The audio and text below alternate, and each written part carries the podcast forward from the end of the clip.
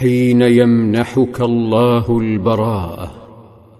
أفاق صلى الله عليه وسلم من الوحي يمسح عرقه ويضحك ويقول أبشري يا عائشة أما الله فقد برأك.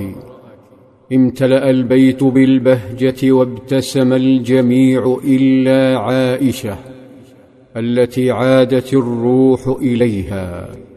التفتت أمها من شدة الفرح فقالت قومي إلى رسول الله. فنظرت إليها عائشة وقد استبدلت دموع الحزن التي جفت بدموع الفرح. نظرت إليها فأطلقت كلمات الامتنان لله وحده ممزوجة بالعتاب لزوجها وأبويها. فقالت والله لا أقوم إليه ولا أحمد إلا الله هو الذي أنزل براءتي.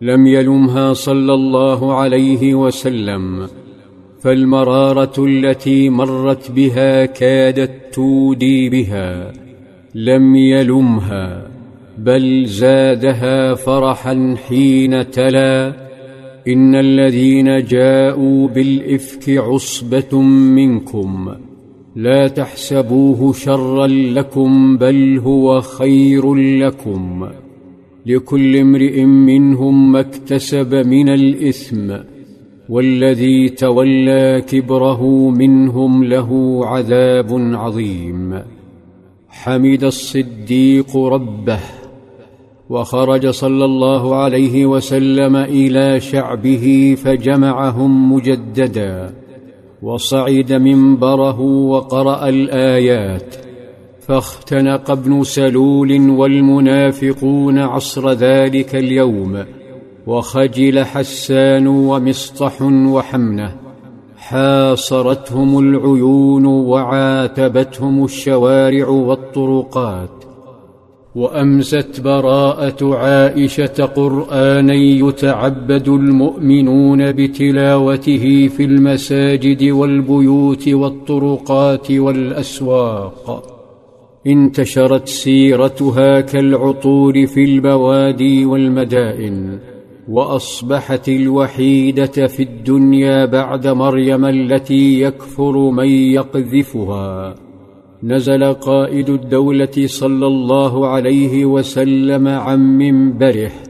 نزل ليمارس مهامه تجاه عائشة المواطنة التي قذفت بلا دليل ولا برهان. فطلب إحضار الثلاثة فاعترفوا دون إكراه. فطبق في حقهم قول الله تعالى والذين يرمون المحصنات ثم لم يأتوا بأربعة شهداء فاجلدوهم ثمانين جلدة ولا تقبلوا لهم شهادة أبدا. وأولئك هم الفاسقون.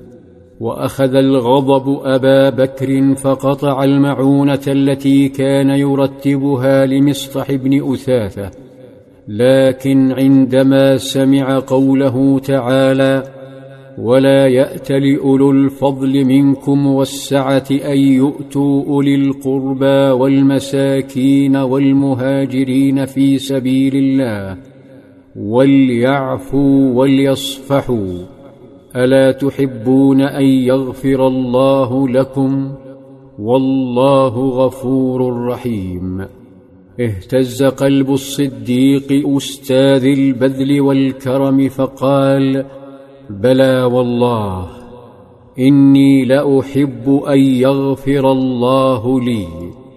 فأعاد المرتب لمصطح وكأن شيئا لم يكن. أما الغاضب الذي لا يطاق غضبه فكان الحزين صفوان بن المعطل. إنه الآن في بيته يبحث عن سيفه يبحث عنه بعد نزول الآيات ثم يخرج متخفيا يبحث في الطرقات عمن قذفه.